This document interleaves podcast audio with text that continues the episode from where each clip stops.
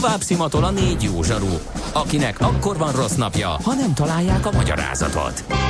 A francia kapcsolat a Wall Streetig vezet. Figyeljük a drótot, hogy lefüleljük a kábelt. Folytatódik a millás reggeli, a 90.9 Jazzy Rádió gazdasági mapetsója. A pénznek nincs szaga. Mi mégis szimatot fogtunk.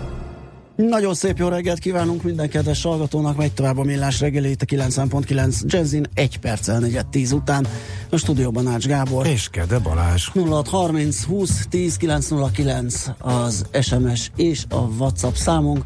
Mit is írt ez a hallgató, hogy Róla. Ja, amit zokon vettél, hogy Ács Gábor egy lehetőséget sem hagy ki, hogy ne róla szóljon a műsor. Nem értettem. Ez 8.50-kor, 8.50-kor. Meg se szólaltam szinte. Nem tudom, az mi lehetett. Egyszer, ne, nem tudom hova tenni. Az még a részénymustra előtt. Mi volt akkor? Fene tudja. Régen volt.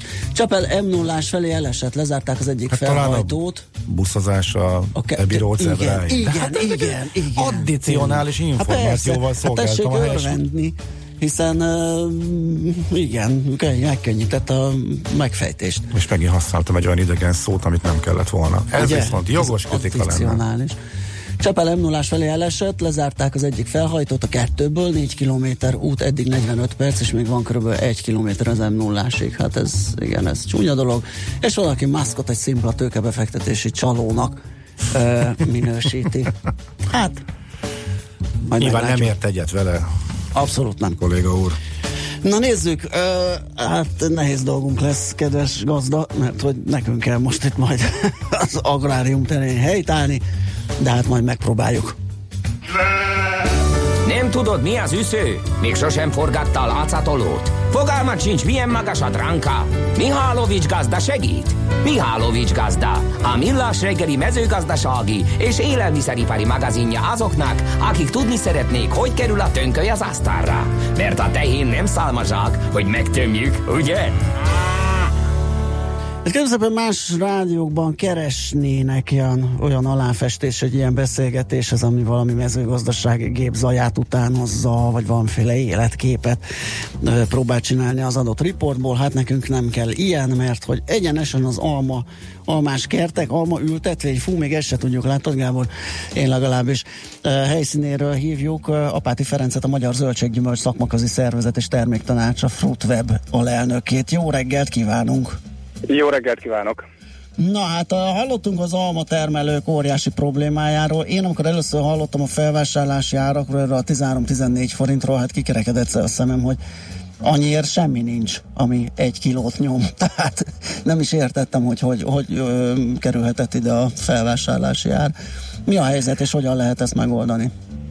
Ha árakról beszélünk, akkor nagyon élesen szét kell választani az étkezési almát és az ipari almát. Az étkezési almának a termelői nettó átlagára rögtön betakarítás után tartályládában lédik első osztályú árat értékesítve. Ezt csak azért kell elmondani, mert tudni kell, hogy ez nem a válogatott, csomagolt, Budapestre elszállított alma. Itt kertben az étkezési alma ára jelenleg 50 és 80 forint per kilogramm között mozog, ami a 13 forintos ár, az, az ipari alma, és azon belül is az ipari alma legnagyobb hányadát adó léalma, amiből almasülítményt gyártanak. Az áll 13 forintnál, ami ilyen formában már nem igaz, mert szerdán felugrott 15 forintra, szombaton, illetve pénteken pedig 17 forintra, de a 17 forint az még mindig az az ár, ami mellett nem nagyon érdemes a betakarításhoz hozzákezdeni, a teljes éves költségeket pedig se közel, se távol nem fedezi. Ú, ez hogyan alakul ez az ár? Hát ez nem tőzsdejáról van szó, hogy napról napra változik, ez kimozgatja, vagy, vagy az egész hogy működik? A a léalma az alma sűrítménynek az alapanyaga, és innentől kezdve az alma sűrítmény piaca nagyon erősen meghatározza a léalma, mint alapanyag árát. Az almasülítmény ugyan nem tőzsdei termék, de egy világpiaci termék, Aha. mert Csilléből, Törökországból vagy Kínából is érkezik Európába, így Magyarországba is sülítmény. Tehát, hogy hogy alakul a hazai sülítmény ára, az Brazíliától Kínáig az egész világon határozódik meg. Ha az almasülítmény ára zuhan, és jelen pillanatban az elmúlt pár hónapban viszonylag nagyot zuhant, akkor az almasülítmény gyártói értelemszerűen nem szeretnének nagyon nagy árat fizetni az alapanyagért, mert drága, drága alapanyagból drága sülítményt lehet gyártani, hiszen az alapanyag költség adja a sülítmény előállítási költségének 40-70 százalékát. Tehát amikor a sülítmény árak is zuhannak, akkor az alapanyag ára is kevesebbet ér a vevőknek, és mivel Magyarországon négy, de igazából három nagy gyártó van, aki almasülítményt gyárt, és sok ezer termelő, így ez a három nagy almasülítménygyártó nyilván gazdasági erőfölényben van a sok ezer kis termelővel szemben, tehát ebben az évben, amikor van bőséges almatermés, ők tudják mozgatni az árakat, és nagy termés, valamint alacsony almasülítmény árak esetén értelemszerűen lefelé akarják mozgatni az árakat. De hát akkor ez pusztán kereslet kínálati a befolyásolja az árat. Valahol azt olvastam, hogy ezeknek az alma feldolgozóknak a kapzsisága nyomja le ennyire, de hát nyilván nekik is ez egy észszerű döntés, hogyha tud szerezni kínai almasűrítményt olcsón, akkor nem fogja a termelőtől drágán meg, ahogy ön is mondta, hogy a léalmának valót. Alapvetően, mivel piacgazdaságot élünk, a kereslet-kínálat törvényszerűségei mozgatják a piacot, illetve az árakat is, de azért az árak alakításában benne van az is, hogy ki milyen gazdasági erővel rendelkezik. Azzal együtt, hogy tavaly egy nagyon gyenge almatermés volt Európában, ezért eh, rekord, szó szerint rekord magasságokig szökött a léalma ára. Tehát hiába mondjuk azt, hogy a sülítménygyártók eh, hárman vagy négyen vannak itt Magyarországon, de három az igazán nagy cég, ők mozgatják az árakat. Tavaly ők adtak 50-60 forintot egy kiló léalmáért, mert csak ennyiért tudtak alapanyaghoz jutni.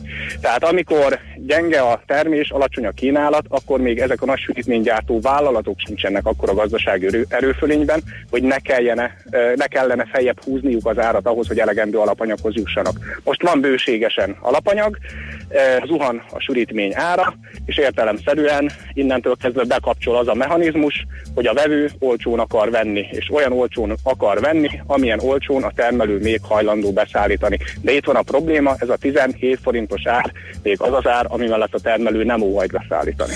Mm, és akkor mit csinál? Inkább kiborítja, vagy hogy vagy le se szedi, mert effektív ráfizetés lehet már magának a szedésnek a költsége is. Így van, jelenleg egy olyan padhelyzet van, hogy nincs beszállítás a sűrítménygyártó üzemekben.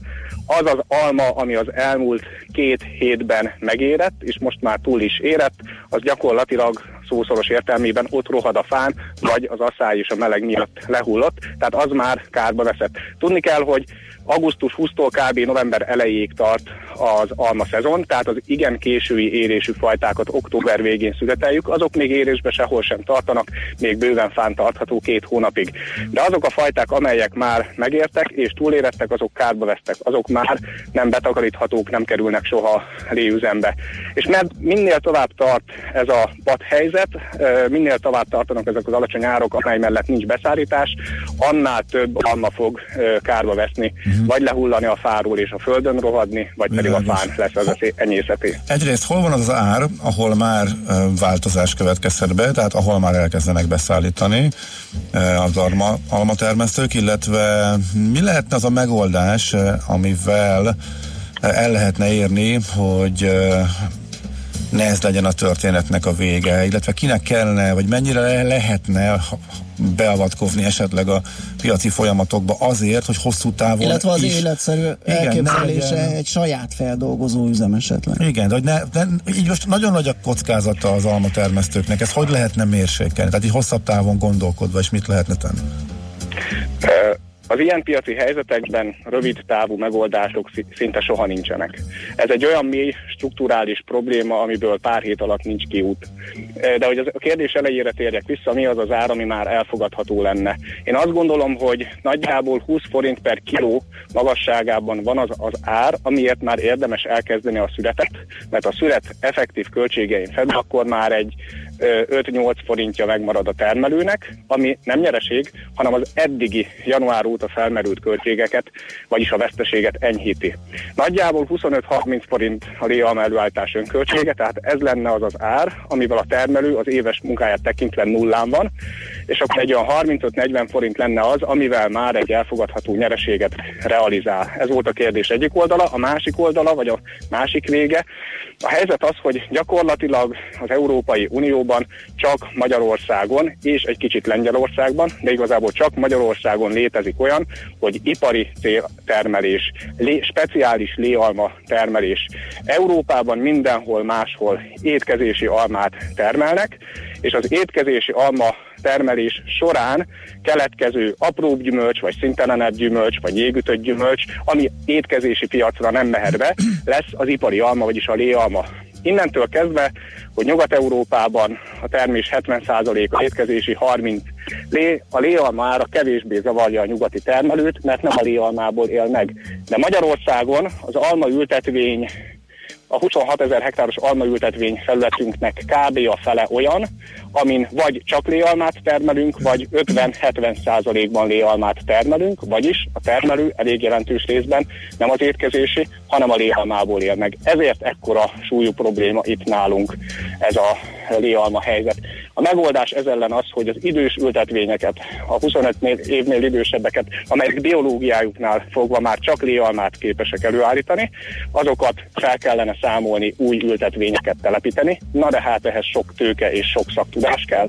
A másik, hogy ipari alma télültetvények létesítése, amelyből az elmúlt 15 évben létesült 4000 hektár, ez a hazai felület közel 20%-a.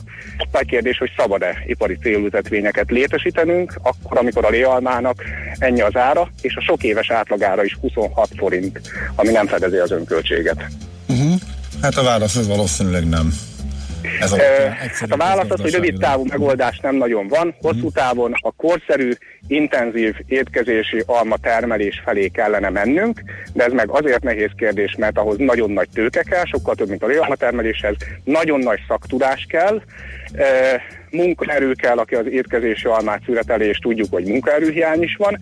Öntözni kell, öntözés nélkül étkezési almát magyar klímán termelni lehetetlen, és minden tényezőben picit rosszul állunk. Tehát ebbe az irányba el kell mozdulnunk, és a következő években én látom annak realitását, hogy ebbe az irányba el fogunk mozdulni, csak ennek az elmozdulásnak lesznek kárvallottjai, mert azok a termelők, akik nem tudnak átállni egy korszerűbb, magasabb színvonalú termelésre, tőkehiány vagy szaktudás hiány miatt, ők lehet, hogy abba fogják hagyni az almatermelést. Hát ez egy gonosz dolog, de lehet, hogy abba is kell. Tehát eh, a piacnak meg kell tisztulnia szerintem ahhoz, hogy egy ilyen egészséges működés. Ez mindenhol, tehát ez nem csak az almatermelők esetében, ugye ez a fejlődésnek a lehetséges iránya. Van, a piaci letisztulás az közgazdaságilag ismert fogalom, és akármilyen kegyetlen, ez lezajlik, és lezajlott Nyugat-Európában is, máshol is. Nálunk ezt a folyamatot késleltették a, a támogatások, és még olyan uh-huh. egyéb tényezők, hogy szociálpolitikailag valahogy meg kellett oldani például a szabolcsi almatermelőknek, a, a szabolcsi almatermelők egy részének a megélhetését, és erre jobb forrás volt a kevésbé korszerű almatermelés, almatermelés fenntartása, mint az, hogy munkanélkül munkanélküli segélyre vagy közmunkára menjenek. A Szabolcsi gazda akar dolgozni, eh, csak, csak ehhez vagy a tőkéje, vagy a szaktudása, hogy profi, korszerű, intenzív ültetvényeket létesítsen, nincs meg, de ebben kell neki segíteni, hogy erre át tudjon állni, viszont ez egy komplex rendszer és egy hosszú távú folyamat eredménye lehet, csak egy-két év alatt nem lehet megoldani. Így van. Oké, okay, köszönjük szépen a beszélgetést, tisztában látunk. Jó munkát Köszönöm szépen és szép napot, minden jó. Köszönöm, viszontlátásra. Apáti Ferenccel a Magyar Zöldséggyümölcs Szakmaközi Szervezet és Terméktársa Fruitweb alelnökével beszélgettünk. Hát akkor mindent értünk. Ha hallgató azt írja, hogy azért kiakasztó, hogy mindig szenzációval beérik egy szezontermék, és hirtelen sok lesz, amire a felvásárló zseniális pénzügyi terve, hogy akkor olcsón veszek, sima zsarolás. Nem. Ez itt az előbb elhangzott, hogy mi eredményezi ez, egyszerűen túlkínálat, piac, tehát semmi meglepő nincs ezeknek az áraknak a kialakulásában. Lehet, hogy van valamennyi mozgástere a felvásárlónak, de az láthatóan nem lesz elég. Ugye most egy hétvége alatt fel tudott menni 3-4 forinttal a felvásárlás jár, de még mindig valami 10 forintra van ugye a nyereséges hat, 20 forintra van a nyereséges határtól, tehát az könnyen lehet, hogy nem fogja elérni. Hát igen, úgyhogy itt komoly váltásra lesz szükség. Apáti Ferenccel beszélgettünk, tehát. Mihálovics gazda most felpattant egy kultivátorra, utána néz a kocaforgónak, de a jövő héten megint segít tapintással meghatározni, hány mikron a gyapjú. Hoci a pipát meg a bőrcsizmát. Most már aztán gazdálkodjunk a rézangyala.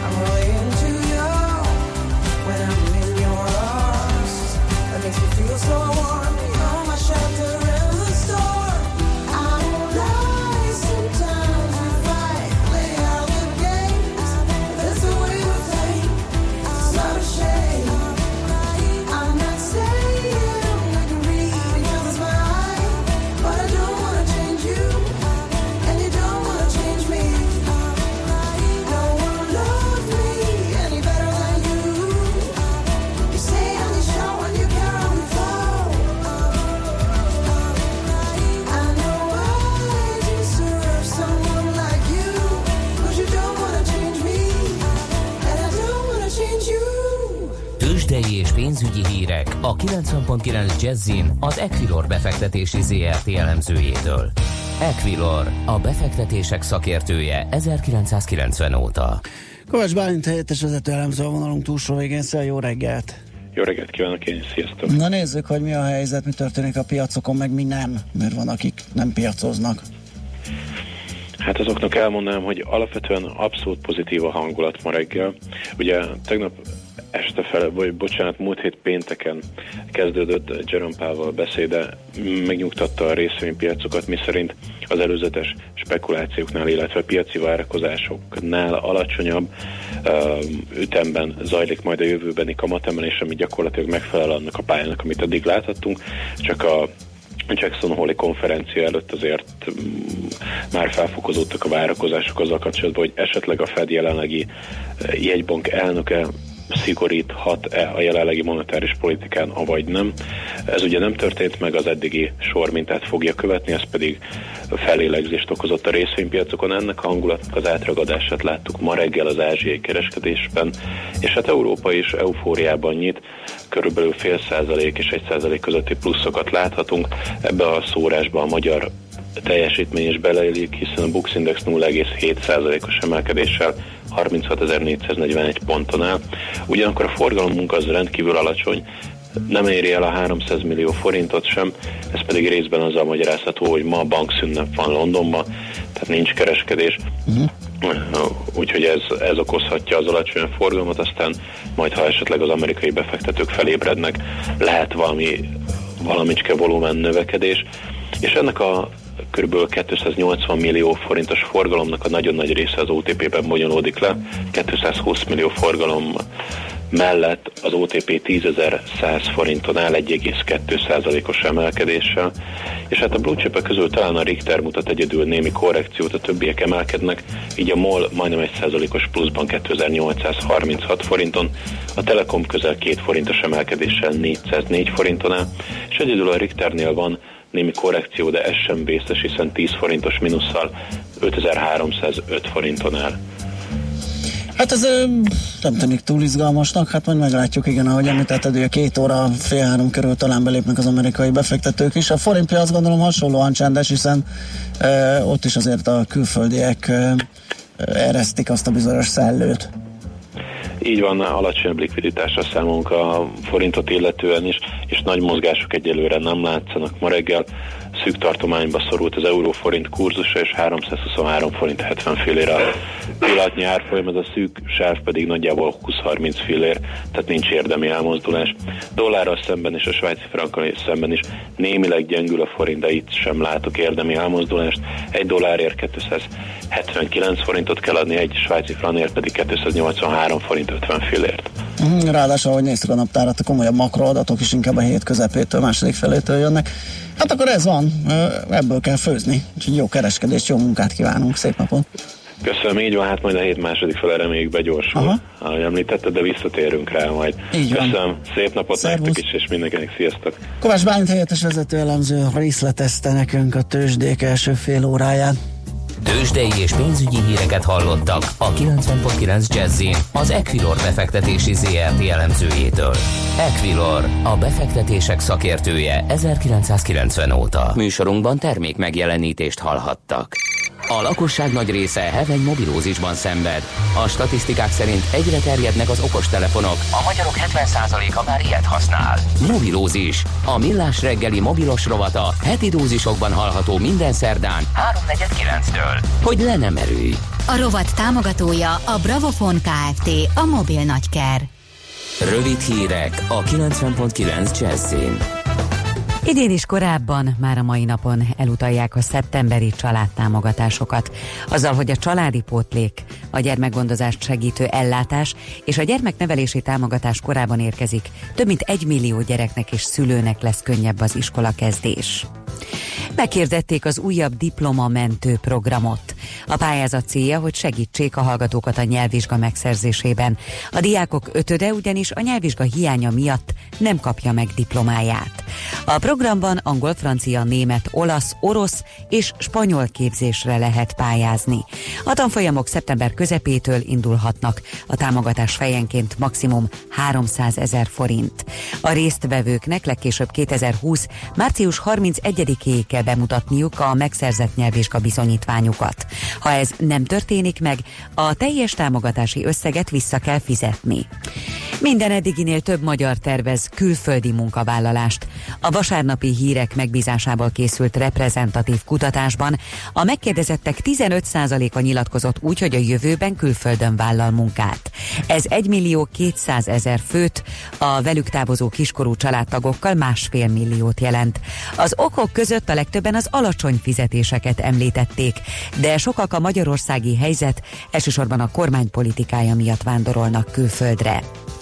Táviratban fejezte ki részvétét a bulgáriai baleset miatt a magyar államfő. Áder János mielőbbi gyógyulást kívánt a szerencsétlenség sérültjeinek. A súlyos baleset tegnap történt, 15-en meghaltak, 27-en megsérültek, amikor Szófiához közel a strádán fölborult, és szakadékba zuhant egy turistabusz. Az áldozatok bolgár zarándokok voltak. Újabb lövöldözés volt az Egyesült Államokban. A floridai Jacksonville belvárosában egy videójátékverseny résztvevője nyitott tüzet. A sheriff hivatal egyelőre csak annyit közölt, hogy többen meghaltak. Lapértesülések szerint négyen vesztették életüket, és tizenegyen megsebesültek. A feltételezett elkövető meghalt, egyes források szerint önmagával végzett. Itthon a következő napokban már csak elszórtan várható csapadék, és még sok lesz a napsütés, és többfelé visszatérnek a 30 fok közeli maximumok. Ma napközben tovább csökken a felhőzet, a Dunántúlon már több órás napsütés várható, és délután keleten is kisüt a nap. Az erős északnyugati szél mérséklődik, a hőmérséklet napközben 22 és 25 Celsius fok között alakul. A hírszerkesztőt Schmidt-Tandit hallották, friss hírek legközelebb fél óra múlva. Budapest legfrissebb közlekedési hírei, itt a 90.9 jazz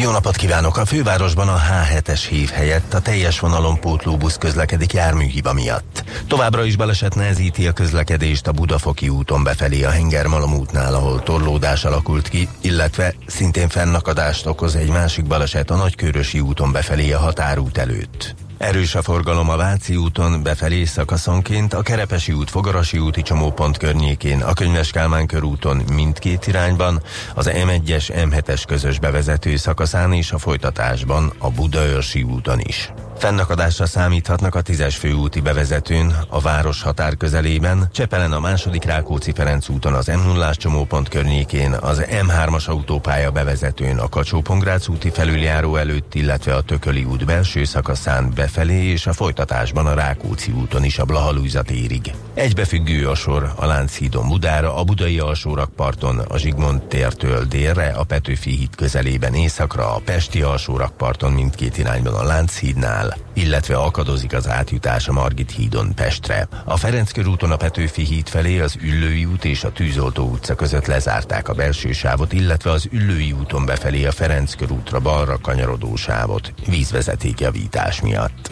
Varga Etele, BKK Info. A hírek után már is folytatódik a millás reggeli, itt a 90.9 jazz Következő műsorunkban termék megjelenítést hallhatnak.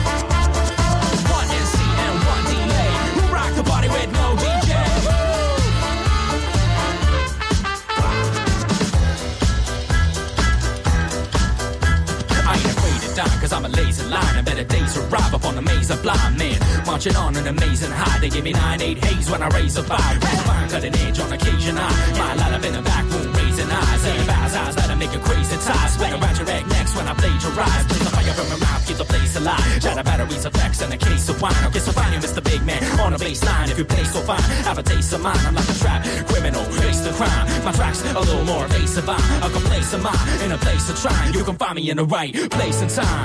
One NC and one delay. We rock the body with no this out.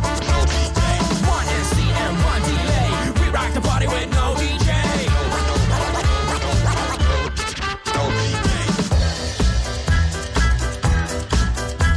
No, I'm not content. I could've rocked a tent full of fans. The pull my pants and go pants in. Oxygen, not a damn thing. Green on my side, hop the fence, cause I got the necessary documents. A good word for all the former occupants of the house. But not before I lock them in with a mouse, safe the key. My compliments are free, but it will cost you confidence to be an optimist. Can take an optic lens bigger than Canada. Rented a lot depends on skill. Off the bend to an awkward end, the will is where to recommend walk begins. So, reason my three sons talk to sensitive. I never write a thesis, doctorates, I'll write a rhyme and go talk to heads. One NC and one delay. We rock the party with no DJ. Check, check, check, check this out.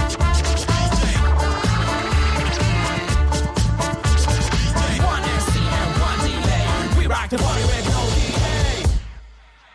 And when the going gets up, a lot of cats run scared. This is it, a physical whip on your rear. I'll be knocking on your door saying, hey yo yo, knocking on your head saying, hey yo yo. Cause police don't handle people like Johnson and these dope bandals are taking the town, son. A menace to Venice, embarrassing Paris, Harrison, board type, charismatic on his roaring Bennett with on so heavy might tear the place down. Ass destruction, everybody face down. D to the J to the B to the B to the A to the B S U R D. Cause it's bigger than hip hop, bigger than life. It's bigger than your mama and it's bigger than your wife.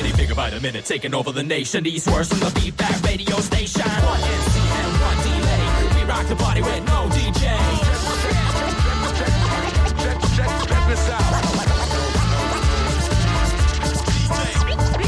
One NC and one delay. We rock the party with, we rock the party with, we rock the party with no DJ. A szerencse fia vagy? Esetleg a szerencse lánya? Hogy kiderüljön, másra nincs szükséged, mint a helyes válaszra. Játék következik. A helyes megfejtés beküldők között minden nap kisorsolunk egy egyfő részére, és hét napos utazásra szóló Kermed Silver utas biztosítást, az STA Travel felajánlásának köszönhetően. Mai kérdésünk a következő, hol található az Abbey Road, ahol 1969 augusztusában a Beatles négy tagja libasorban sétált át utolsó közös albumuk borítójához A. Dublin, B. Liverpool vagy C. London. A helyes megfejtéseket ma délután 16 óráig várjuk a játékkukac jazzy.hu e-mail címre. Kedvezzem ma neked a szerencse! Volt már olyan érzésed, hogy megtaláltad a választ? Aha, aha, aha. Heuréka élmény. Jövő kutatás a Millás reggeliben, a Spark Institute at IBS szakmai támogatásával. Csak jövő időben beszélünk. Hát kérem szépen eljött hozzánk ide a stúdióba, mai meghívott vendégünk eh, Bisz Robert, a Philips Sales transformációs vezetője, a Spark Institute, IBS oktatója. Szervusz, jó reggelt! Jó reggelt, sziasztok! Köszönöm a meghívást, és üdvözlöm a hallgatókat is. Beszéltük, hogy honnan induljunk minket sokkolt Gáborral, ez az adatvezérelt gondolkodás, kicsit nem érezzük magunkat komfortosan ezen a területen, és hát gondoltuk, ugye majd valahonnan elkezdjük ezt a dolgot.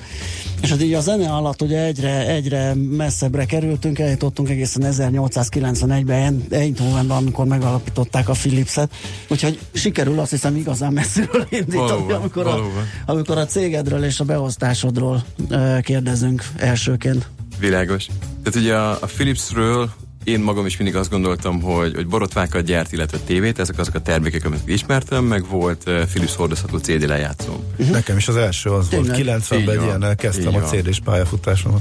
Tényleg? És gyakorlatilag 5 évvel ezelőtt csatlakoztam a céghez, amikor azzal kerestek meg, hogy uh, a Philips egy óriási transformáció közepén van. Ugye 5 évvel ezelőtt vagyunk, 2013, ha rákerestek a Google Trendsben, akkor ezt még senki nem hívta digitális transformációnak, akkor még mindig üzleti transformációról beszéltünk.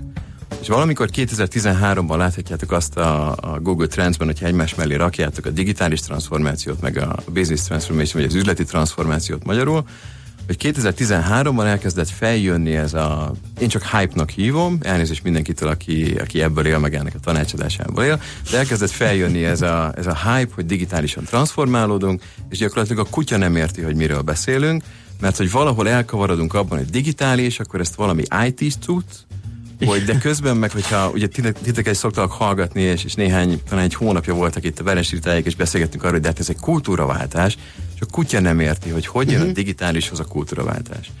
Na és öt évvel ezelőtt a Philips azt mondta, hogy ő, ő igenis beleáll ebbe a transformációba, mert miről szól ez az egész? Arról, hogy az ügyféligények átalakulnak sokkal gyorsabban, mint ahogy az elmúlt időben ezt tapasztaltuk. A dolgozói igények is változnak folyamatosan, ami azt eredményezi, hogy az egész céget kell átalakítani ahhoz, hogy tudjon erre reagálni. Mind a dolgozói igények változására, ugye itt beszéltünk a generációs kérdésekről, illetve az ügyfelek igényeire is változ, reagálni kell és egy elég komoly transformációt indított el akkor a Philips, aminek részeként az eredetileg lámpagyárként induló cég, néhány barátommal szoktunk ezzel viccelni, de ugye erről beszélünk, két holland tesó, 126-7 éve elkezdett lámpaizzókat összeszerelni Eindhovenben, és ma ott tartunk, hogy amikor én csatlakoztam, akkor ez egy 22 milliárd eurós cég volt, akkor még intenzíven érdekelt volt a világítás technikában, tévéüzletága volt, Ma 2017-re, 2018-ra ott tartunk, hogy a világítás technikát értékesítette a cég, és teljes egészében az egészségre és az egészséghez köthető dolgokra fókuszálunk. Aha. Tehát egy teljes fordulatot tévé hajtunk sincs? Philips tévét még tudsz venni, de hogyha jól utána olvasol, akkor egy uh, tajvani cég gyártja. Ha csak a márkanevet A használhatja, márkanevet valami elég használhatja, a márkanevet még használhatja, a dizájnban van beleszólásunk, az innovációra mindig is büszkék voltunk, de alapvetően ma három cég van a Földön, aki tévéket gyárt, sokan csomagolják rá a a brandjüket, Mhm. de három képcsőgyártó van a világon összesen. Aha. Hát ez nagyon izgalmas.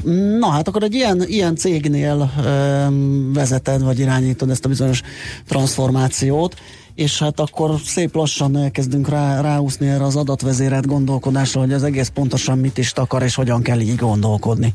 Nem, ez gyakorlatilag azt takarja, hogy amikor elindult, amikor ránéztek erre, nagyon sokat hallottuk a startup kultúráról, sokat beszélgetünk a startupokról, de alapvetően minden nagy cég megakadott, hogy talán 20 éve írtuk le először, hogy azért a, a bolha az tök nagyot tud ugrani, és ez állati jó dolog, de hogy a bolha az nem egy kicsi elefánt. Uh-huh. És hogyha az elefánt megtanulna akkorát ugrani, akkor meg pont a holdra ugrana. És nem biztos, hogy ez a cél. Tehát nagyon sok cég elindult abba, hogy nézzük meg a startupokat, mit tudnak a startupok, mit tudunk tőlük tanulni. És az egyik dolog, ami, ami nagyon-nagyon látszik a, a startup kultúrából, ugye a lean startup világból, az pontosan az, hogy minden adat vezérelt. Mindent megmérünk, minden arról szól, hogy számokkal alá tudod-e támasztani. És nem feltétlenül abban a kontextusban, ahogy én magam is 2003-ban egy nagy magyar távközlési cégnél gyakornokként kezdtem, ahol adatokkal dolgoztam, és alapvetően az volt a feladat, hogyha a menedzsment azt akarta bebizonyítani, hogy itt most jobbra kell fordulnunk, mert ez a mérőszám ez 12, akkor évfélig bent kellett maradnom, hogy ez a mérőszám az 12 legyen. Hanem sokkal inkább abból az irányból elindulva, hogy tényleg mérjük meg, nézzük meg, hogy van-e üzleti hatása, és hogyha azt látjuk, hogy van, akkor foglalkozunk ezzel a mhm. kérdéssel. Ugye ez az, amit most azt mondjuk, hogy persze ez nagyon könnyű, a multik, meg a nagy cégek azok tele vannak számokkal, tele vannak adattal, és úgyis az alapján hozzák a döntéseket. Itt alapvetően, hogyha az irodalmának utána néztek, akkor van egy óriási félreértés. Szám az van rengeteg a multiknál, viszont nem azok alapján hozzák a döntéseket. Nagy többségről beszélek, előre elnézést kérek mindenkitől, aki, aki egyébként aki számok, mégis. aki végig, de egy relatíve rövid listáról beszélünk. Ugye általában az történik, hogy a vezetőség kitalálja, hogy eddig így csináltuk, most valamit villantani kell a, az anyavállalat felé, akkor most csináljuk máshogy. És akkor ehhez csináljunk számokat, amik majd alátámasztják. Uh-huh. Az adatvezérelt gondolkodás sokkal inkább azt uh, jelenti, hogy van egy üzleti probléma, és itt kezdődik kapásból egy hatalmas paradigma váltás a vállalatokon belül. Én magam is szerintem, amióta multiban dolgozom most már 15 éve, meg nem tudom nektek mondani, hogy hány olyan képzésem voltam, ahol megpróbáltak nekem elmondani, hogy probléma az nincsen, csak kihívás, Aha. meg lehetőség, és fogalmazunk sokkal finomabban, az asszertív kommunikáció nagyon fontos, Hát van egy nagyon rossz hírem, már pedig problémák vannak. Mert hogy amikor a vezetők hajnali háromkor csapzottan, izzattan fölébrednek, mert gőzük nincs, hogy mit csináljanak holnap ezzel a dologgal, azt nem kihívásnak hívják, és nem apró lehetőségnek, nem srácok, az probléma. És ez az első dolog, amit visszahoztunk a cég kultúrájába, hogy képzeljétek el, hogy vannak problémák. És megnevezzük őket, és, és tényleg léteznek. És mit mondunk arra? Definiáltuk azt, fontos, nem mi találtuk föl, ezek ismert módszertanok, ugye a probléma megoldási módszertanok azok, amikről ezzel szoktunk beszélni. Többfajta probléma megoldási módszertan is van, de mindegyikben az a közös, hogy keresel egy mérőszámot, és megnézed, hogy ott mi a probléma. A probléma az olyan, ami miatt nem alszik jól valaki. Méghozzá a szervezetben kellően magasan lévő valaki nem alszik jól, mert hogy hajlandóak vagyunk ebbe erőfeszítést tenni. És ez már egy hatalmas váltás a cégeknél nagyon komoly változtatást igényel. Hogy nem hipotéziseink vannak, és nem azt igazoljuk a számokkal, hanem megnézzük a számokat, és azt keressük, hogy mi az, ami, ami alátámasztja, tudja igazolni, hogy ez egy probléma, és mint tudunk változtatni ahhoz, hogy ez másként legyen a jövőben. Tudsz egy konkrét esetet vagy problémát mondani? Abszolút. Abszolút. Hogy ez hogy működik, így hogy változott meg a cégnek így a Igen. döntéshozása? Én amiért felelek, én a kereskedelmi szervezetek átalakításáért felelek. Ugye ez az egész világon kb. 108 országot jelent, és a tipikus értékesítői probléma az mi szokott lenni, nem adunk el eleget. Bocsánat, amúgy budapesti bázissal dolgozol, vagy kint? Én budapesti bázissal dolgozom. Tehát ez működik a... Abszolút, külésre. abszolút. Hm? Én egész pontosan pomázi bázissal dolgozom, a, a konyha asztalomról Skype-on, és uh, egyébként ne, pedig az m 0 a reptér. home office-ba lehet tolni? Abszolút, mivel hogy a megbeszéléseim jelentős többsége Skype-on történik, Aha. ezáltal tök fölösleges bemennem a, a budapesti irodába, hogy üljek valamelyik kalickában és Skype-oljak, sokkal egyszerűbb otthonról kényelmesen csinálni ezt. Hát ezt amikor, hm? amikor nem utazom, tehát azért ez hozzá tartozik, hogy szabad szemmel jól látható mennyiségű időt töltök repülőgépeken, de, de amikor nem ott vagyok, akkor abszolút home office-ból, persze. Aha. Persze. No, egy ilyen konkrét probléma, ez mi szokott lenni értékesítésben, nem adunk el eleget, nem adunk el elég nagyot, nem adjuk el elég gyorsan. Ugye? Erre mi szokott lenni egy kereskedelmi szervezetben a válasz? Uh, ha nem adunk el eleget, akkor előbb-utóbb kirúgjuk a szélzvezetőt, hozunk egy másikat, és hogyha eddig direkt értékesítés volt, tehát saját alkalmazottakon keresztül értékesítettünk, akkor ő most föltalálja a spanyol viaszt, és akkor most bevezeti a telefonon történő értékesítést, bevezeti az indirekt értékesítést, bármi más. Az egy hipotézist, és anélkül, hogy ezt alátámasztan elkezdi megcsinálni. Uh-huh. Ezzel szemben például jövő héten megyek egy az egyik marketünkre, az egyik földrajzi egységbe, ahol az a probléma, hogy egy bizonyos termékcsoportból, amiből nagyon sokat vártunk tőlük, és ők maguk is sokat vártak maguktól, nem értékesítenek annyit, mint amennyit ők elvártak. Ez probléma. Ez, ez elég nagy probléma, mert hogy ez, ugye, vegyük végig, kinek probléma, maga az értékesítési vezető, maguk az értékesítők nem adnak el eleget, nem kapnak elég bónuszt, nem túl motiváltak, nem érzik jól magukat a pozíciójukban. A vezetők sem igazán érzik jól magukat, mert ők sem fognak bónuszt kapni, és egyáltalán nem hozzák azokat a számokat, amiket ők vállaltak, és ez egy elég nagy földrajzi egység, ahova utazni fogok. Az ő számaik azok látszódnak a, a nemzetközi számainkban is. Tehát egészen a, az amsterdami irodáig az a helyzet, hogy nem érezzük jól magunkat ettől. Uh-huh. Megnézzük, hogy mik a számok. És van egy fontos definíció, a problémának számokra alátámasztatónak kell lennie, és ha egy lehetőség van, ezt idézőjelben mondom, akkor lehetőleg ez egy ilyen romló tendenciát kell, hogy mutasson. Például most ebben a negyedében 10 volt az elvárás, és 6-ot adtunk el, az előző negyedében 10 volt az elvárás, és 8-at adtunk el, tehát egyre nagyobb az eltérés. És ekkor egy elég komoly előkészítő munkát hajtunk végre, az előző, azt mondom, hogy 4-5 hétben gyakorlatilag a számokat néztük, megpróbáltuk beazonosítani, hogy ki az, akinek jobban megy, ki az, akinek kevésbé, hol voltunk sikeresek, hol nem.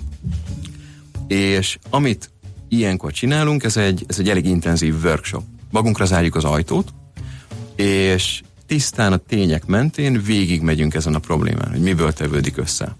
Hogy mi fog történni a jövő héten, ezt én nem tudom neked megmondani. Fontos, hogy semmilyen hipotézissel nem megyünk oda, csak és kizárólag a számokat mhm. nézzük. Uh-huh. És amit teszünk, először definiáljuk magát a problémát, ez nagyjából a reggel része, és utána jön az egyik kedvenc része, megpróbáljuk megkülönböztetni, hogy mi az, ami a probléma, és mi az, ami a, ennek a tünetei. Ugye nagyon sokszor eszünk, esünk ebbe a hibába, például az egészségvonalon a, a láz az egyik kedvenc példám. Amikor lázas vagy, akkor ugye valami baj van bent, valamiért a szervezeted úgy gondolja, hogy egy magas hőmérséklettel tudod valamit kezdeni belül. Ennek ellenére általában nem azt próbáljuk megkeresni, hogy mi okozza azt a lázat, hanem vannak tök jó kipróbált lázcsillapítóink, gyorsan és próbáljuk azt az értéket visszanyomni a Így van, az értéket szintre. próbáljuk visszatolni, hát ennek ott 38,5-nél kisebbnek kell lennie. Tök jó példája az értékesítésre. Kicsit el vagyunk maradva, mit kell csinálnunk? Csinálunk egy értékesítési versenyt. Meg biztos az értékesítők nem értenek hozzá, majdnem egy másik szót mondtam, nem értenek hozzá, oktassuk őket, és majd megtanulják ezt. Nem, nem innen indulunk. Megnézzük, ilyen a számérték, így alakul, mi az, amit látunk ebből. Ki az, aki, aki ebben jobb, ki az, aki kevésbé jó, és akkor jön a leges, legizgalmasabb része ennek az egésznek.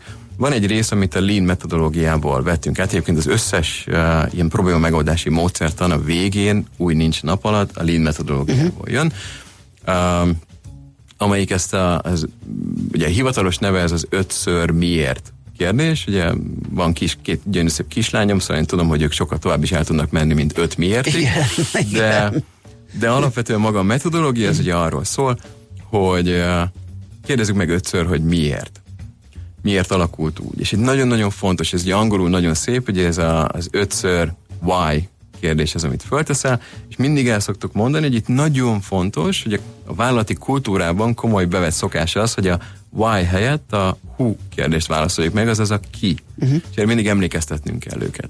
Ugye miért van ez így? Mert a pénzügy, mert a marketing, mert valaki egy másik silóból nem csinálja a munkáját, tök sokat kávézik. És ezt nem engedjük egy ilyen workshopon, nincsen semmilyen személyeskedés, mindig visszaszorítjuk a beszélgetést a tényszerű beszélgetésre, nekem, én nem tudom megcsinálni a munkámat, mert nem kapom meg ezt az adatot Mancitól, mert Manci nagyon sokat kávézik. Nem, nem, nem, nem, nem. Ez nem így van. De azért nem tudod ezt megcsinálni, mert abban az Excelben az A3-as mezőből hiányzik az adat. Uh-huh. Amire persze ilyenkor megint jön, hogy persze, mert Manci sokat kávézik, Igen. de ezt ilyenkor kezeljük. És akkor eljutunk odáig, hogy ténylegesen mi okozza ezt a problémát, alapvetően folyamatot próbálunk beazonosítani. Mert az alaphipotézis minden ilyen cégben, hogy az emberek nem azért mennek be, hogy hibázzanak, nem azért mennek be, hogy valamit rosszul csináljanak, hanem valahol a folyamat vagy nem jó, vagy nem követik az emberek, vagy pedig egyszerűen nincsen, és improvizálnak. Uh-huh. És amikor beazonosítjuk, hogy mi lehet az egyik, a, vagy a le, néhány probléma forrást megpróbálunk beazonosítani, ilyenkor eljuthatunk odáig, hogy az értékesítők mondjuk tényleg nem ismerik ezt a terméket, vagy lehet az, hogy nem jó az árazása ennek a terméknek. Elég sok mindenre kiukadunk, és megtippeljük, próbálunk vele játszani egy picit, hogy melyiken, hogyha változtatunk, egy picit tekerünk rajta, akkor mi lehet a hatása. Ez persze egy nagyon teoretikus, és ott a szobában próbáljuk, de hogy itt jön be egy kicsit ez a lean gondolkodás, hogy nem kell megoldanunk a világ éhezést egyszerre, hanem csak azonosítsuk be, hogy hol tudunk egy picit javítani ezen a dolgon, uh-huh maradok egy konkrét példánál, az egyik marketingön rájöttünk, hogy hát ez egy olyan termék, amit az értékesítők nem ismernek, nem tudják, hogy hogyan érveljenek. Ekkor egy klasszikus multi azt csinálná, hogy na, akkor most csinálunk egy nagy e-learninget, mindenkinek kötelezővé tesszük, és most a következő három hónapban nem kap bónuszt, aki nem tud levizsgázni ebből az oktatási anyagból. Nem, sokkal inkább kicsi csomagokban gondolkodunk, le akarjuk tesztelni ezt a hipotézist, hogyha van 50 értékesítő, akkor kiválasztunk 10 értékesítőt, akikre már ott ezen a workshopon A héten megszervezzük, hogy ők hétfő reggel 9-kor megkapják azt a termékértékesítési tréninget. És utána ezt a 10 értékesítőt elkezdjük követni. Többet értékesítenek, több ügyfélet találkoznak, nagyobb a, a sikerrátájuk. Nyilvánvalóan olyan változtatásokat próbálunk itt csinálni, aminek nem 9 hónap a kifutása, hanem olyasmi, amit le tudunk tesztelni két hét alatt, három hét, négy hét alatt, hogy tudjuk mérni. És akkor így lyugadunk el odáig, hogy letesztelünk jó néhány ötletet, és amelyik tényleg működik, az az, amit kiterjesztünk az egész csapatra. Fú, hát ezt még hallgatnánk órák Ez nagyon-nagyon érdekes, és nem érzem, hogy végére értünk volna, nem, és nem, nem. lenne ebben még muníció, be csak az időn fogyott el. Igen, de nagyon szépen köszönjük, hogy eljöttél hozzá. Folytassuk majd még, jó? Okay. olyannyira, hogy egy kedves Uh, hallgatónk is, uh, Aliz írta, hogy ez nagyon jó a multikhoz, hogyan lehet őt, őket hívni. Tetszik ez az anti-bullshit hozzáállás. Uh, ezt kaptuk, és hogy ez de jó fej, Manus, melyik ez a cég? Hát ilyenek. Köszönöm Mindjárt szépen. elmondjuk, Jó, amikor így is megtudjuk, hogy kivel Bisz Robertel beszélgettünk a Philips Sales transformációs vezetőjével, a Spark Institute IBS oktatójával. Akit várunk szeretettel majd még, ahogy megbeszéltük. Köszönöm. Heuréka élmény, a millás reggeli jövőben játszódó magazinja. Mindent megtudtok majd. Szakmai partnerünk a Spark Institute at IBS. Köszönjük a mai egész napos, egész napos, hát még reggel van, figyelmet. lejárt az időnk, úgyhogy átadjuk a terepet Schmidt Andinak, hogy híreket mondjon nektek, aztán holnap jövünk vissza. Csináljuk a következő millás reggelit 3 től Szép napot nektek, sziasztok! Már a véget ért ugyan a műszak, a szolgálat azonban mindig tart, mert minden lében négy kanál. Holnap reggel újra megtöltjük a kávés bögréket, beleharapunk a fánkba és kinyitjuk az aktákat. Addig is, keressetek minket az arcaktákban, a közösségi oldalunkon. A mai adás podcastjét pedig holnapunkon. Millás reggeli, a 90.9 Jazzy Rádió gazdasági mapetsója. Ha csak egy műsorra van időd idén, tégy róla, hogy ez legyen az. Csak egy dolog lenne még.